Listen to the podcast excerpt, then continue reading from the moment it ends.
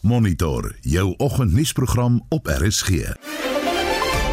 In vanoggend se program is Suid-Afrikaanse vrou Karel de Swart ontvang 'n genadedood in Switserland. Presiese metode weet ek nie, maar dit sal iets wees wat sy aangeneem het of gedruk. Sean Davison was die hele tyd by haar. Hy het my laat weet gister she had a beautiful death this morning, smiling and at peace the entire morning, right to the very end. So sy het gelukkig gegaan, sy was gelukkig met haar keuse. Ons praat vanoggend met jou oor hierdie sogenaamde beautiful death. Die aantal geregistreerde kiesers styg tot meer as 27 miljoen dit op die vooraand van die tweede verkiesingsregistrasie naweek en die Afrika Voorkeur Handelsooreenkoms tree in werking. Welkom by Monitor, die span vanoggend is redakteur Maat uh, Hendrik Maten.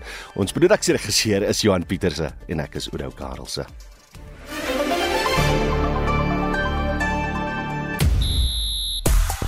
In jou sportnuus groot opgewondenheid oor die nuwe Springbok hulpafrigters wat eersdaags aangekondig word. In die SA20 liga het die verdedigende kampioen die Sunrisers Eastern Cape gister die Joburg Super Kings oor aangesit en in golfnuus die debat tussen die Live Golf toernooi en die PGA se toekoms duur voort.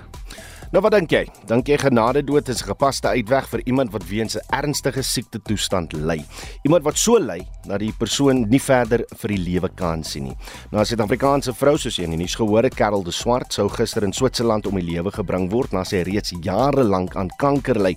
'n Voorstander uh, van uh, hierdie Procession Davison was by haar sterfbed en is uh, soos jy in die inleiding gehoor het, beskryf hy de Swart se afsterwe as a beautiful death. In Suid-Afrika is genade dood nog onwettig. Hoe voel jy daaroor? Stuur vir ons 'n SMS na die nommer 45889. Dit kos jou R1.50 per SMS. Jy kan ook vir ons 'n WhatsApp stemnota stuur na die nommer 076 536 6961. Dis byna 10 minute oor 6. Bykans 8,5 miljoen internasionale toeriste het Suid-Afrika tussen Januarie en Desember 2023 besoek. Volgens Statistiek Suid-Afrika is dit 48,9% meer as die 2022 tydperk. Die Departement van Binnelandse Sake het korttermynbesoekers wat beplan om hulle 90-dag visums te verleng, gewaarsku dat hulle moontlik teen einde Februarie die land moet verlaat. Die nasionale voorsitter van die Suid-Afrika se van Suid-Afrika se toerismevereniging vereniging Oupa Pelani sê die toeriste is egter belangrik vir die ekonomie. The combination of it's the incompetence, it's the ineptitude of, of the department of not doing their work and someone there is not doing their work and now they are looking for an easy way out. And the easy way out is to say, no, no, no, anyone who has not been extended a visa must leave. You know, And why do you want to deal with people that came in illegally? Why don't you deal with all the illegals that are roaming uh, around our, our, our country causing us problems? Mm. So we are then so asking the department, we're saying before such decisions can be made, it is important the department does not work in isolation of the rest of the country. It is important to interact with industry associations and also look at the implications of their decisions because this has a detrimental effect on the tourism sector, the image of the country, and everything else that is associated with growing the economy. Nou dit was die nasionale voorsitter van Suid-Afrika se toerismevereniging Oupa Pelani. Ons bly by die storie en praat nou met 'n navorsingsdirekteur van die navorsingseenheid Trees by die Noordwes Universiteit professor Elmarie Slabbert. Elmarie, goeiemôre. Goeiemôre. Voor ons oor die stand van sake in die bedryf gesels, kom ons raak net aan die kwessie wat Oupa Pelani nou aangespreek het, hierdie kwessie van die mhm. swaalkies, die mense wat visums verleng. Uh, wat is jou kommentaar oor eerstens die departement se keuse om nie hierdie visums aan sogenaamde swaalkies te verleng nie? Ja, ek dink dit is 'n ongelooflike ondeurdagte en 'n baie onverantwoordelike besluit op hierdie stadium van dis sulke besluite wat Suid-Afrika geld kos en wat natuurlik ook ons reputasie as een van die beste toerismebestemmings in die wêreld baie skade aanrig. Um jy weet ek dink dit skrik ook beleggers af as hulle sulke tipe van aksies hoor. Um so ek dink op hierdie stadium is die departement oneffektief en veroorsaak vir ons 'n ongelooflike verlies aan inkomste vir die toerismebedryf. Kan jy sin maak van die feit dat die regering dit gaan doen? Ja, ek dink op hierdie stadium is dit 'n uitkoms vir 'n oneffektiewe kantoor, ehm um, en daar's soveel uh, sake wat hulle moet verwerk wat op hulle tafel lê. Dat hulle dit dalk sien as 'n as 'n manier van uitkoms, jy weet. So, hmm. maar dit gaan definitief nie die probleem oplos nie. Ek dink hulle moet weer gaan kyk na die werking van van hierdie spesifieke departement en dit aanspreek, want dis nou die belangrikste. En ek wil net seker maak hierdie sogenaamde swaalkies is bloot net mense wat langer aanbly met vakansie. Daar daar sien in hierdie getal mense uh wat dan ook na tyd net onwettig wil aanbly in Suid-Afrika nie. Wel, ek weet dit kan ook 'n mengsel wees, maar ek dink vir die toerismebedryf spesifiek op hierdie stadium is dit juist die swaalkies. Hulle hulle kom vir 'n sekere tydperk en dan bly hulle langer. Um, hulle verry half, kan ek sê, weet die noorde vir die suide as gevolg van die seisoen. So ons het hulle inkomste geweldig baie nodig en dis die mense agter wie ons as die toerismebedryf moet kyk. Um, en hulle spandeer baie geld hier. So ons ons kan nie bekostig dat hulle 'n maand vroeër of twee maande vroeër huis toe gaan nie. Reg, kom ons praat nou oor uh, die syfers wat bietjie van 'n glimlag op gesigte gaan hê hier mm. in Suid-Afrika. Statistiek jaar op jaar lyk baie goed in die toerismebedryf. Ja, ons is baie opgewonde oor die oor die groei soos jy reeds genoem het, ehm um, teenoor verlede jaar. Ons het in al ons markte het ons baie goeie groei gesien, ehm um, ook vanuit ons tradisionele markte soos Engeland en Duitsland en Nederland die mense is definitief besig om terug te keer Suid-Afrika toe. Ehm um, so ek dink die sektor is baie goed op dreef om weer by die 10.2 miljoen um, toeriste te kom wat ons in 2019 gehad het. Ehm um, en alle pogings van aard gewend, jy weet om daar te kom. Waar was die grootste groei gewees? Ehm um, die grootste groei was was gewees in die Europese markte. Hulle het met 38% gegroei. So dis jou tradisionele Engeland, Duitsland en Nederland. Ehm um, ag en dit is maar 'n groot markte nie en baie van ons van ons bemarkingspogings gaan ook in hierdie markte in. Soos nou reg vir daai groot 2 miljard rand bemarkingsveld tog in die Engelse Premier Liga. Ons moet hom net reg aanwend. As hy lekker. Dit was 'n uh, navorsingsdirekteur van die navorsingseenheid Trees aan die Noordwes Universiteit professor Elmarie Slabbert. Die verkiesingskommissie hou hierdie komende naweek sy tweede en laaste registrasie naweek voor vanjaar se verkiesings. Die idee is om na potensiële kiesers uit te reik en hulle aan te moedig om hulle name op die kiesersrol te kry. Ons praat nou hieroor met die hoof van operasies by die verkiesingskommissie Granville Abrams. Granville, goeiemôre. Goeiemôre Udo en goeiemôre aan die luisteraars en baie dankie vir die geleentheid. Absolute plesier. Granville verlede jaar was daar 2,8 uh 2,9 miljoen mense wat navraag gedoen het, maar uit hierdie 568 000 nuwe kiesers wat geregistreer het. Dit dit was nou uit 'n totale kieserskorps van 26 uh 0,8 miljoen mense. Hoe lyk die prentjie nou? Hierdie mense wat navraag doen en dan die nuwe kiesers. Ek dink heel eerstens uh, ons is nou verby 'n 'n 'n een van ons uh, mikpunte hoogtepunte ehm um, tot op da datum. Vir die heel eerste keer kyk ons nou na meer as 27 miljoen kiesers.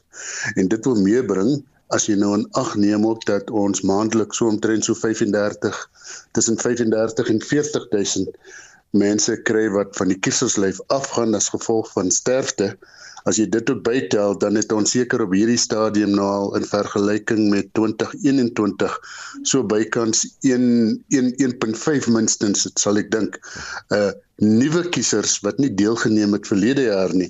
So dis nou al klaar. Ehm um, as jy in totaal moet kyk, dan is dit nie net 500 000 nie, maar sedert 2021 is dit nou 1.5 miljoen min of meer en dan groei ons nog steeds. Ehm um, as ons nou kyk na die tendens in die verlede, die tweede registrasie naweek, dis maar nou tipies Suid-Afrikaans.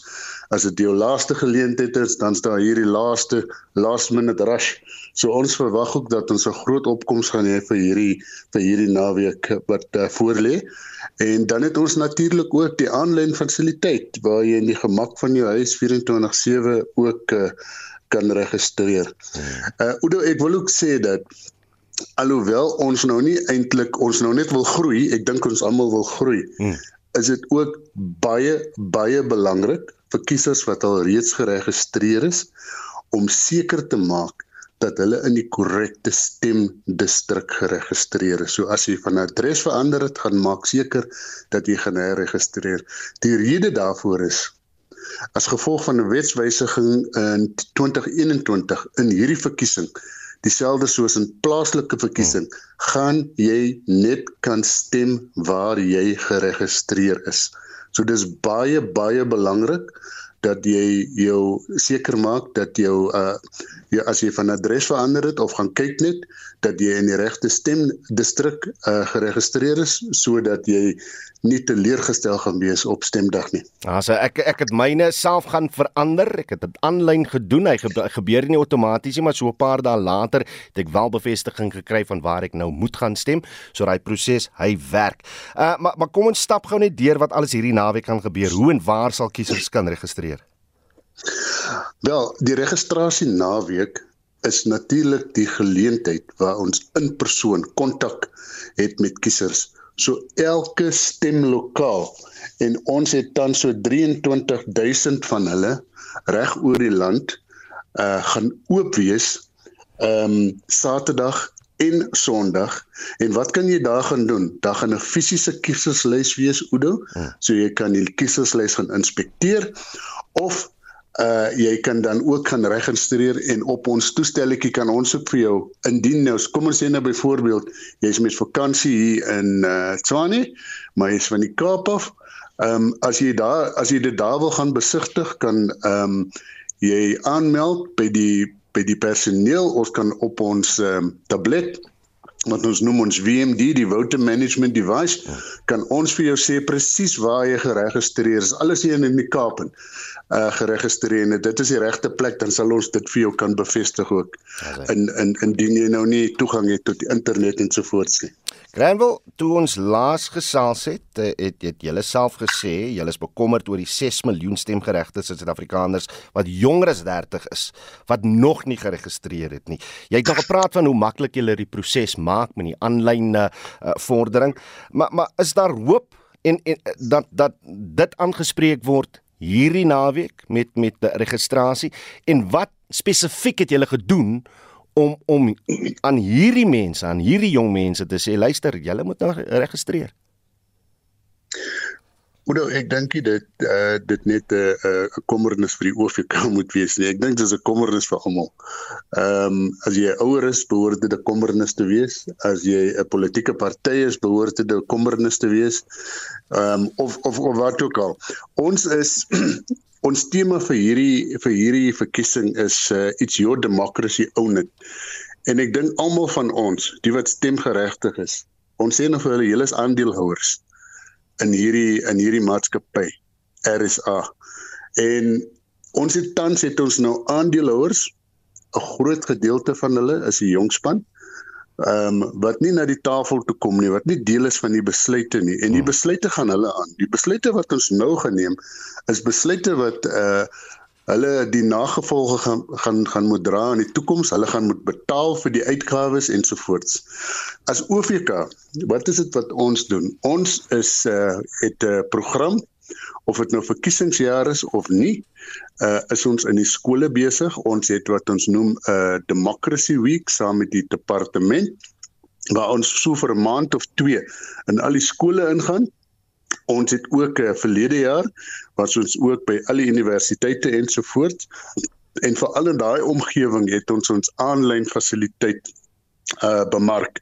So ons is deurentyd op 'n plaaslike vlak uh is ons uh, in kontak met skole en universiteite ensovoorts en, en ons gaan dit nou nog steeds uh, uh deurdruk vir die laaste paar paar dae wat oorbly, maar ons moedig ook enige iemand anders aan enige organisasie ensovoorts om die jongspan te bemoedig.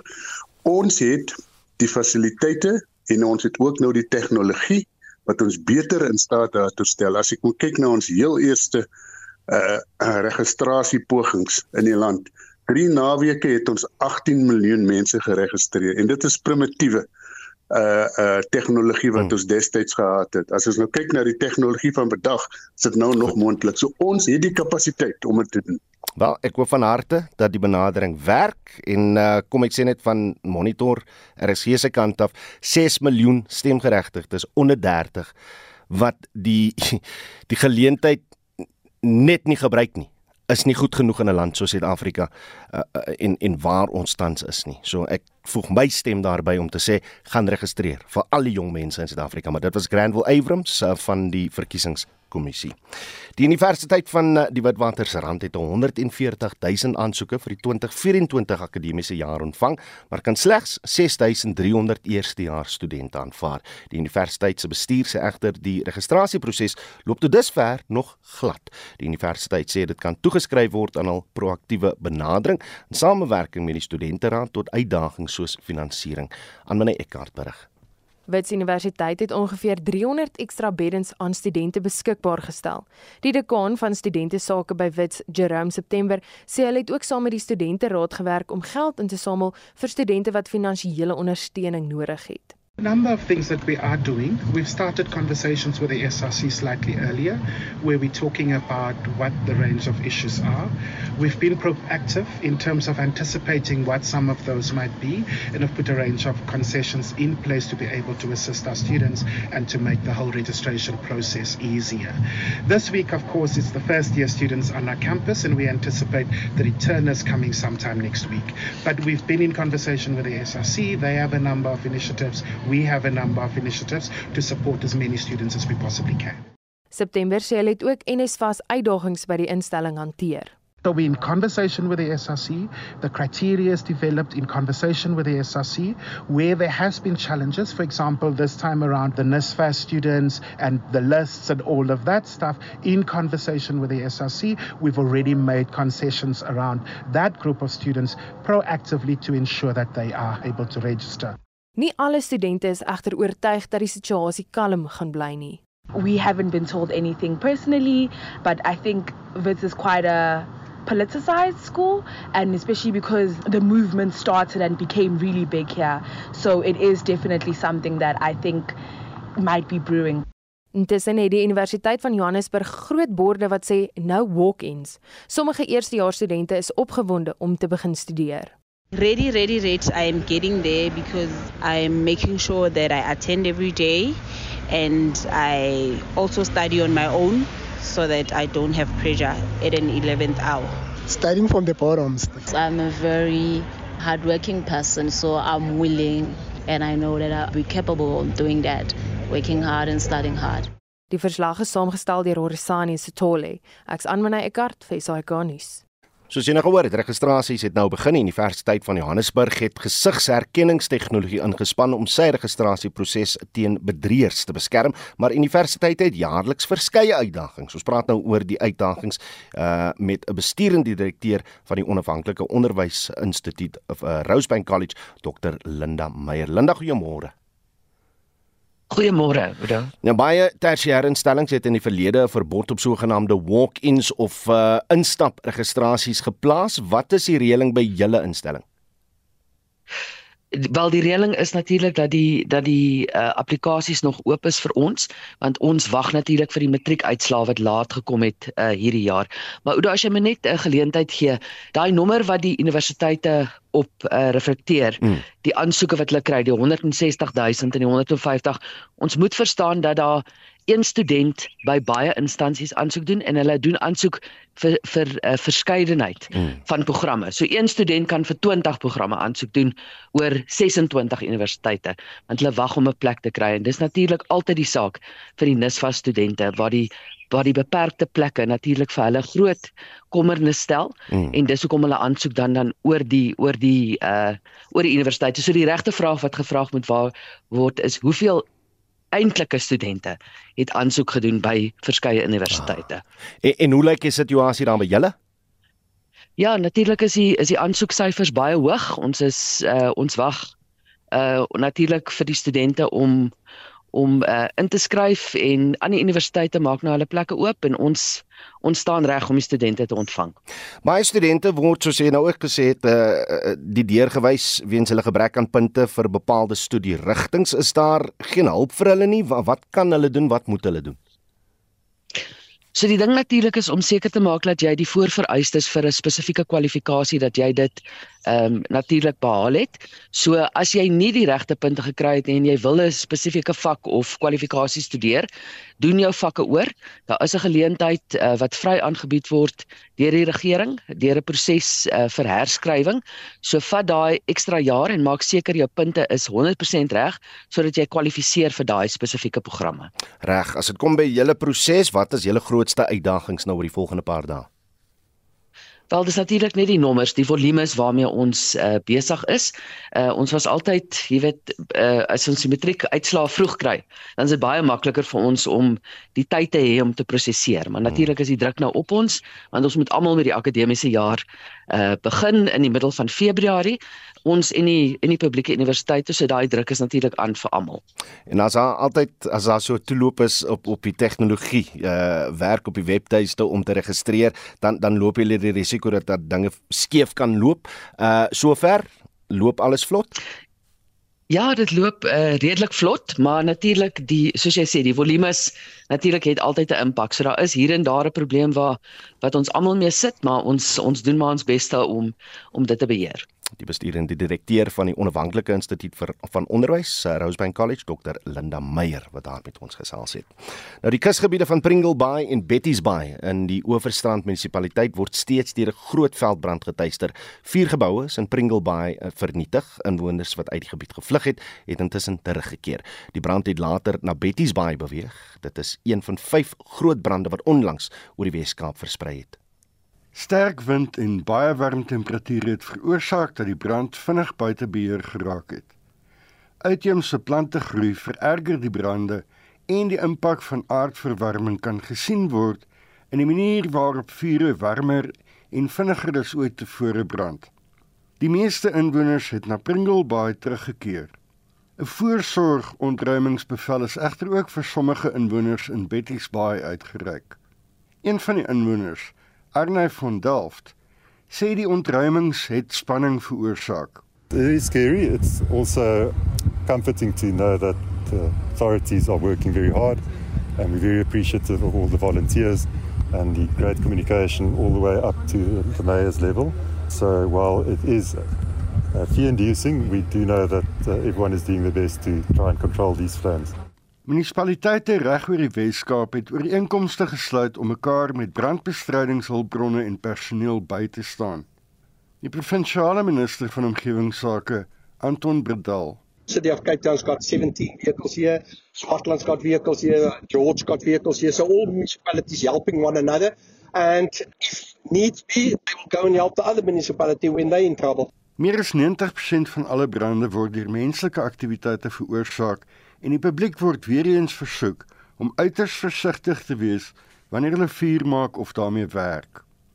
Hierdie bydra van Kobben August in Kaapstad en ek is Hendrik Martin vir SAK nuus. Jy luister na Monitor elke weekoggend tussen 6 en 7. Dis presies 6:30 en hier is wat voor lê in die res van die program. 'n Suid-Afrikaanse vrou Karel de Swart ontvang 'n genadedood in Switserland. Ons praat ook vanoggend oor die kwessie. Gevangenes kan tot vandag toe registreer vir die komende verkiesing en handelsbande met Israel word bedreig. Bly ingeskakel.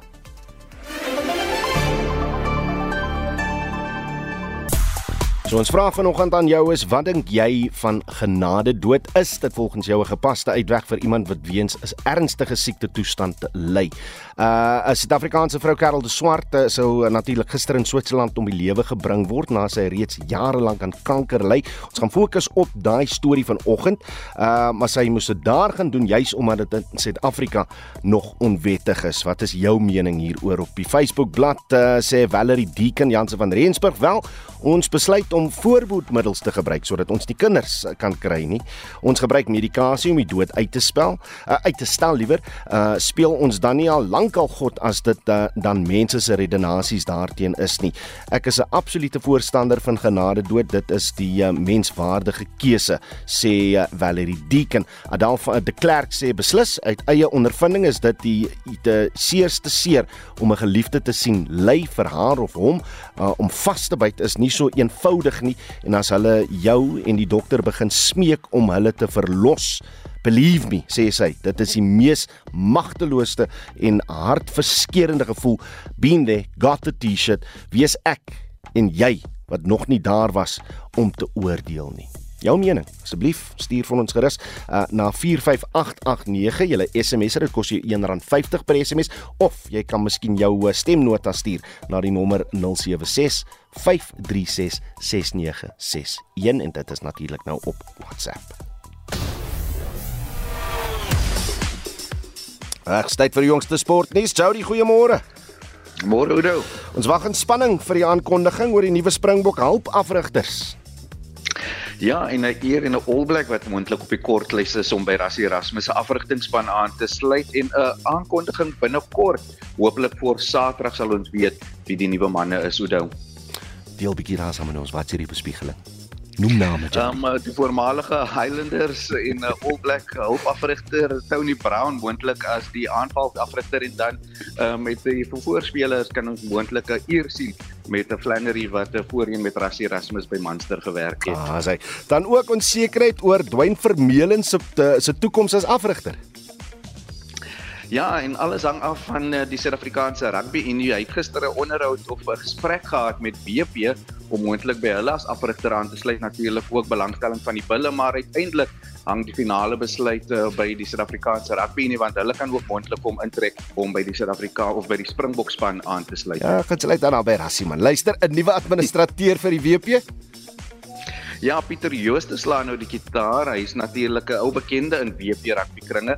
Hy vervang vir Max Suzani wat uh, nou by die nasionale departement van sport en kultuur is en uh, natuurlik uh, Jooste betrokke by Tygerberg Rugby Club en hy was ook 'n nasionale keerder tot en met onlangs en 'n WP Rugby natuurlik in 2021 onder administrasie geplaas. Reg, cricket uh, nuus nou in die SA20 ligas liga staan nou hier einde se kant toe en wat 'n fantastiese vertoning deur ons onder 19 manspan gister. Ja, hulle het vir Zimbabwe in 'n super 6 kragmeting met 9 paaltjies geklop en dan jy het gepraat van die SA20 Liga wedstryd 26 van die 30 rondom Tali wedstryde vandag. Dis die Pretoria Capitals teen MI Cape Town. Die twee spanne wat sukkel van die jaar, Oudo albei aan die onderkant bekleed die tweede laaste en die laaste plek op die punteleer so 'n moedwen wedstryd indien hulle nog enige trots in die toernooi wil hê. Gister het die Joburg Super Kings vir 'n skamele 78 uitgehaal en uh, die Sunrisers Eastern Cape die verdedigende kampioen wat vir hulle met 'n 9 paaltjies ook in daardie wedstryd geklop het. En ek sien die 2024 skedule vir die Spa vroue 10 km is bekend gemaak. Ja, sewe wedlope, maar net 5 is deel van die Grand Prix reeks en uh, dit uh, vind op 24 Maart in Kaapstad, 23 Junie in Durban, asook 3 Augustus in uh, Tshwane en uh, 21 September in Kaapstad plaas en dan eindig die Grand Prix reeks op 6 Oktober in Johannesburg en die ander twee is op 13 Julie in Bombela en Pietermaritzburg met uh, op 18 Augustus en die algehele wenner sal met 200 000 rand prysgeld wegstap. En waar strek die debat nou oor die uh, Amerikaanse PGA en die LIV Golf reeks? Rory McIlroy, die uitgesproke voormalige wêreldnommer 1, meen dat die PGA oorwinnings op die beroemde bane soos Pebble Beach en Riviera glans nou glans onneem kan word in die afwesigheid van topspelers soos die tweemalige major wenner John Rahm en hy meen dat 'n samewerking ooreenkoms tussen die twee organisasies binnekort gevind moet word vir die spel om te oorleef. Ons wag daarvoor. Jody Hendrik Star van RSG Sport. Suid-Afrika se eerste uitvoere onder die Afrika Voorkeur uh, Handelsooreenkoms, bekend as die African Continental Free Trade Areas, hierdie week vanaf Durban hawe, hawe na lande soos Ghana, Egipte, Tunesië en Rwanda verskep. Ons praat nou verder hieroor met die hoofekonoom van die Vision Groep, Dawie Rood. Môre Dawie. Goeiemôre ook aan jou. Weet jy wat was onder hierdie eerste uitvoere vanuit Suid-Afrika en uh, hoeveel is op pad hiernatoe onder die ooreenkoms? Ja, Wel dit is dan uitvoere uit Suid-Afrika uit. Van hierdie goeder wat ons uitvoer is sekere produkte soos wat ek nou maar gelees het van onder andere Lesotho maar ek vermoed daar's 'n paar uh, onder, ek dink 'n motor sitplekke uit Lesotho uit word uitgevoer. Was dele so van hierdie vragskip en daar's 'n klompie ander goederes ek reken daar's 'n paar motorvoertuie wat ons gaan uitvoer en ek verstaan 'n klomp landbouprodukte ook. So dis van die produkte wat uitgevoer word na die lande toe wat jy genoem het. En, en vir mense wat nou nog nie weet wat presies behels hier ooreenkomste en watter verpligtinge plaas dit tot uh, plaas dit op lidlande Wel die hele idee is om Afrika se ekonomie meer geïntegreerd te kry. As mens kyk nou hoeveel uh, Afrika lande met mekaar handel dryf, kom jy agter dit is baie minder as byvoorbeeld die Europeërs of die Asiatiese lande. Daardie lande handel baie meer met mekaar. In die geval van Afrika is ons nie baie goed om met mekaar besigheid te doen nie. Ons doen met ander lande besigheid. Maar die waarheid is so was 15% of 16% van Afrika se handel vind met mekaar plaas. So hierdie vryhandelsooreenkoms wat nou tot stand gekom het, die bedoeling daarvan is natuurlik om die onderskeie lande te help, maar ook om Afrika Afrika lande meer te integreer, die verskillende ekonomieë in Afrika meer te integreer. Dis die bedoeling. Dit beteken dan nou onder andere dat as Suid-Afrika of 'n klomp van die ander Afrika lande wat almal deel is van hierdie ooreenkoms, as hulle na mekaar toe eh, in en uit wil voer, dan is daar baie minder invoerheffings van toepassing en die idee is dat selfs van die invoerheffings wat wel wel nog van toepassing is, geleidelik oor tyd uitgefaseer gaan word. So die, die hele bedoeling agter dit alles is 'n meer integrasie van die Afrika ekonomie. En ek moet vir jou sê, dis hoogtyd dat ons so iets doen. Hmm. Afrika is met hierdie daar is so wat 50 lande in Afrika en hierdie lande is elkeen 'n klein eilandjie en ek dink wat ons bet, bet, nodig het om te doen in Afrika is om meer 'n een enkele groot handelsgebied tot stand te bring en dis presies die bedoeling van hierdie ooreenkoms. Dit dit word gesien as en dit word reeds bestempel as 'n groot hupstoot vir vervaardiging hier in Suid-Afrika. Maar gaan dit regtig wees as dit so maklik is om goed in te voer uit ander lande? Nee, dit dit gaan nog 'n lang paadjie wees voordat ons werklik waar die voordele hiervan sien. Daar's baie ander hindernisse. Onthou nou invoere en uitvoere uh, beteken jy moet goederes van Suid-Afrika na ander lande kry. Ons weet in die geval van Suid-Afrika, maar ander lande ook, want in die geval van Suid-Afrika het ons ernstige probleme met logistiek. Ons Transnet onlangs, die hawens onlangs en baie ander Afrika lande het net nie vinnig net die infrastruktuur om al hierdie goed noodwendig uh, in en uit te voer nie. As ons wil die res van Afrika byvoorbeeld met treine wil bedien, dan is, is daar baie uh, baie probleme. So 'n uh, uh, uh, infrastruktuur is nog steeds 'n groot probleem, maar natuurlik soos enigiets anderster is dit 'n eerste stap in die regte rigting. Daar's 'n klompie ander probleme ook.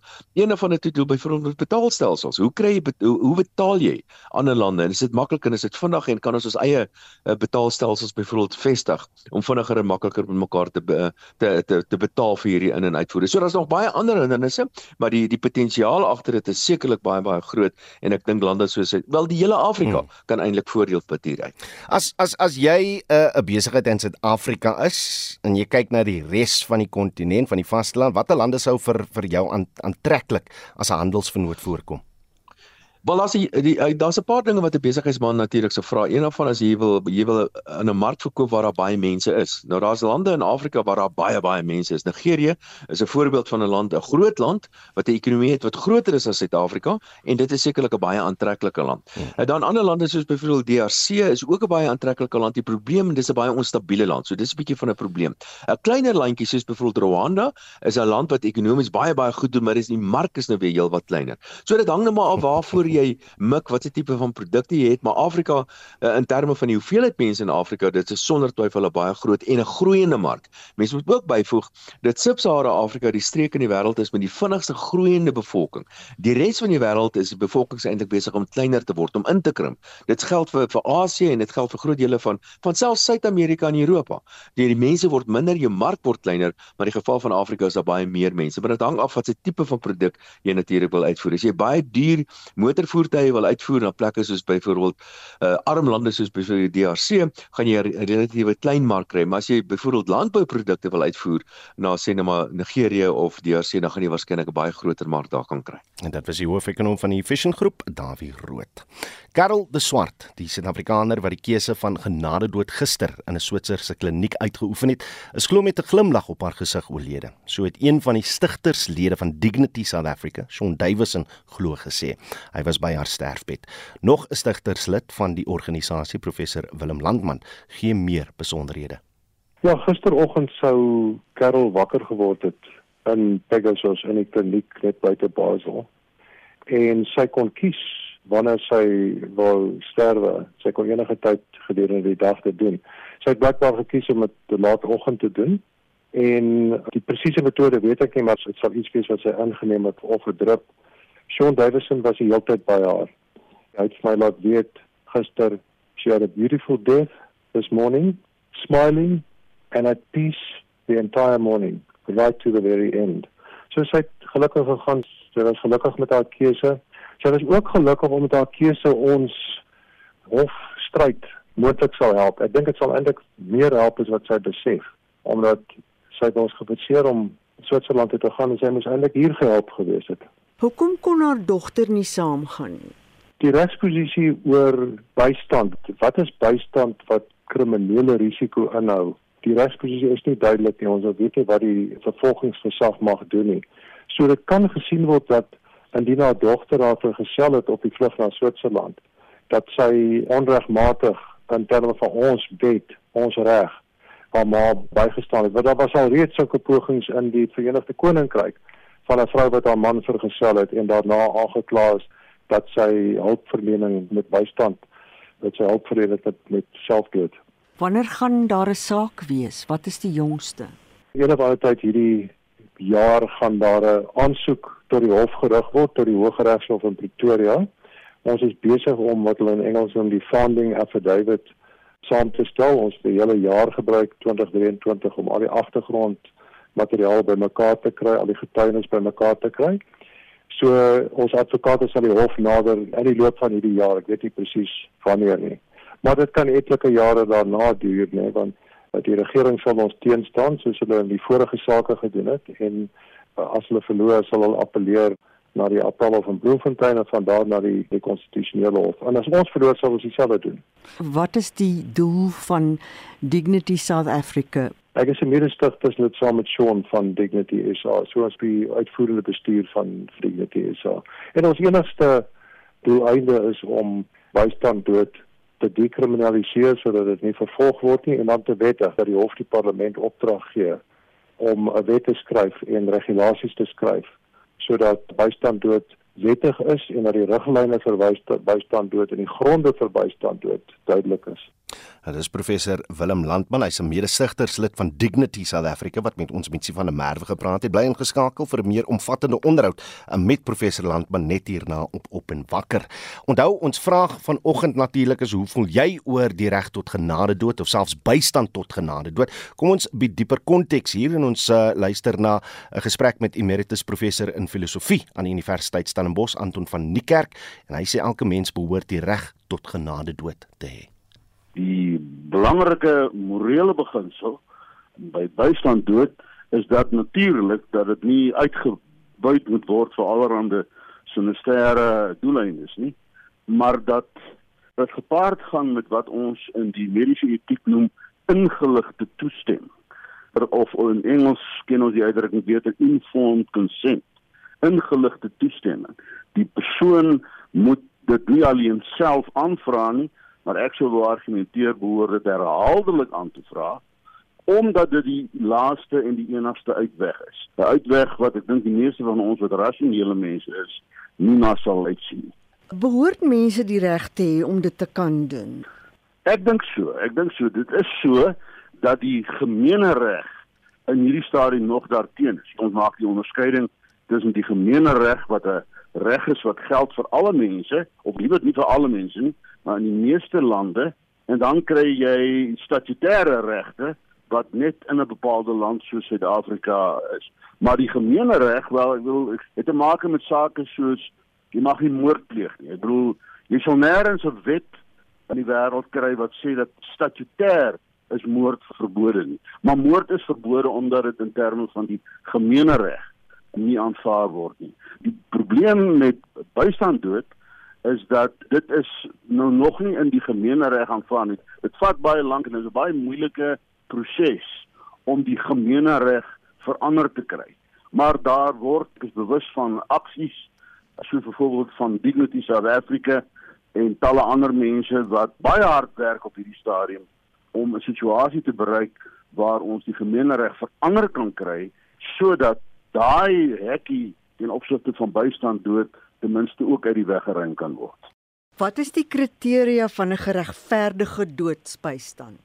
Ek sou sê in die eerste plek ondraaglike lyding, mediese professionaliteit dat 'n mens weet jy het nie hier met een of ander clown te maak wat die situasie gaan hanteer nie, maar wat op 'n professionele wyse daarna gaan omsien. Ja, en daar is ook ander wat mense ook kon help, maar kom ons laat dit eers daar. Ons kyk nou hierna omdat 'n vrou gister die keuse geneem het om Switserland toe te gaan. Ja. En dit te doen en sy het die geld gehad daarvoor omdat die staat haar moes uitbetaal het vir 'n fout wat gemaak is. Hulle het haar been afgesit en sy sê sy Ja. kan nie meer doen wat vir haar sin gee in die lewe nie. Maar dit lyk my 'n mens moet taamlik baie geld hê om daai opsie uit te oefen. Dit lyk so ja. Die vraag is natuurlik of dit so behoort te wees. Maar uh, op hierdie stadium dink ek is dit dit verstaanbaar dat jy kan dit nie in Suid-Afrika laat doen nie. Dit is nog heeltemal teen die wet. In Suid-Afrika mag jy wel selfmoord pleeg. Dit is wettig, maar jy mag nie gehelp word om selfmoord te pleeg nie. Dit is onwettig. So uh, in daai sin is die proses maar kompleks. Dit is taamlik kompleks en daarom is dit verstaanbaar dat dit nou nog al 'n paar rand in die proses kos. Maar hierdie soort van pasiënt is gewoonlik heeltemal desperaat en uh, dan is bereid baie keer om van haar laaste inkomste ontslae te raak ten einde haar lyding verlig te kry. Is daar lande wat dit toelaat en is dit ontwikkelde lande? Die bekendstes is Nederland en België. Hulle het al baie baie uh, lank die praktyk ook in Switserland nou hierdie kliniek waarheen vrou de Swart uh, gaan is is 'n ander voorbeeld. Die staat Oregon in die VSA laat bystand dood ook toe, maar die uh, interessante ding is nie eintlik 'n ander een van die Amerikaanse state nie. Vroeger jare was daar ook die Northern Territories van Australië. Hulle het ook toegelaat, maar dit is toe met 'n nuwe federale regering wat daar verkies is, is dit weer omgedraai. Professor, dink jy dit sal ooit hier gebeur? Ek sou so hoop. Ek bedoel een van die eerste dinge wat gedoen is met ons demokratisering in 1994 was dat die regskommissie versoek is of ek weet nie of hulle versoek of hulle eie inisiatief geneem om 'n verslag uit te bring oor hierdie aangeleentheid.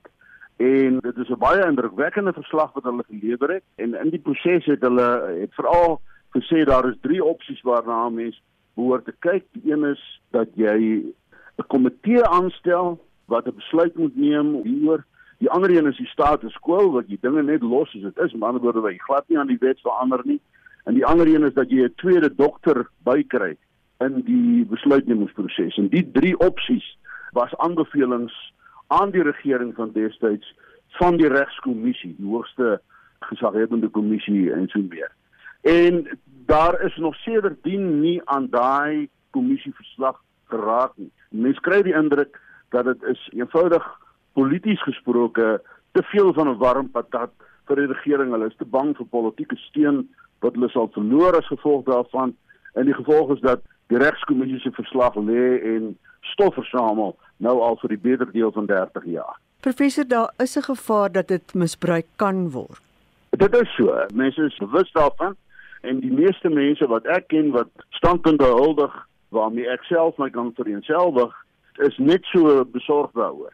Maar ek bedoel, laat ons in die proses net sê gewoonlik waar hierdie praktyke plaasvind, dit ook in oorseese lande, word so 'n pasiënt gewoonlik omring deur mense wat werklik vir hom of haar omgee en wat werklik vir hom of haar die beste wil. Die kans dat daar, die Engelse sê, te veel hanky panky sal plaasvind, dink ek is baie skraal. Maar dan in die laaste instansie, natuurlik is daar ook die praktyk van regulering. Niemand wat argumenteer vir die morele aanvaarbaarheid van bystand dood sê daar moet geen regulering wees nie. Enige ou wat wil, moet sommer net by 'n kliniek kan instap en dan uh, gehelp raak. Ek is nie bewus van mense wat op daai manier redeneer nie. Die stem daarvan emeritus filosofie professor van die uh, Universiteit Stellenbosch professor Anton van Niekerk herinner net weer dat ons uh, op op, en wakker vanoggend omvattende onderhoud sal hê met professor uh, Willem Landman wat 'n mede-stigterslid is van Dignity South Africa. En die vraag word aan jou gevra. Hoe voel jy oor genade dood of bystand tot genade dood? Laat weet op die SMS lyn op of ons uh, Facebookblad. Die Landroshof in Groblersdal in Limpopo het die uh, aanrandingssaak waarby honde betrokke is tot 7 Februarie uitgestel wanneer 'n aansoek om borgtog aangehoor sal word. Die beskuldigdes is twee uh, direkteure van 'n veiligheidsmaatskappy, die 63-jarige Pieter Groenewald en 27-jarige Stefan Greef, wat daarvan beskuldig word dat hulle 'n veiligheidsbeampte met honde aangeval het. Fire!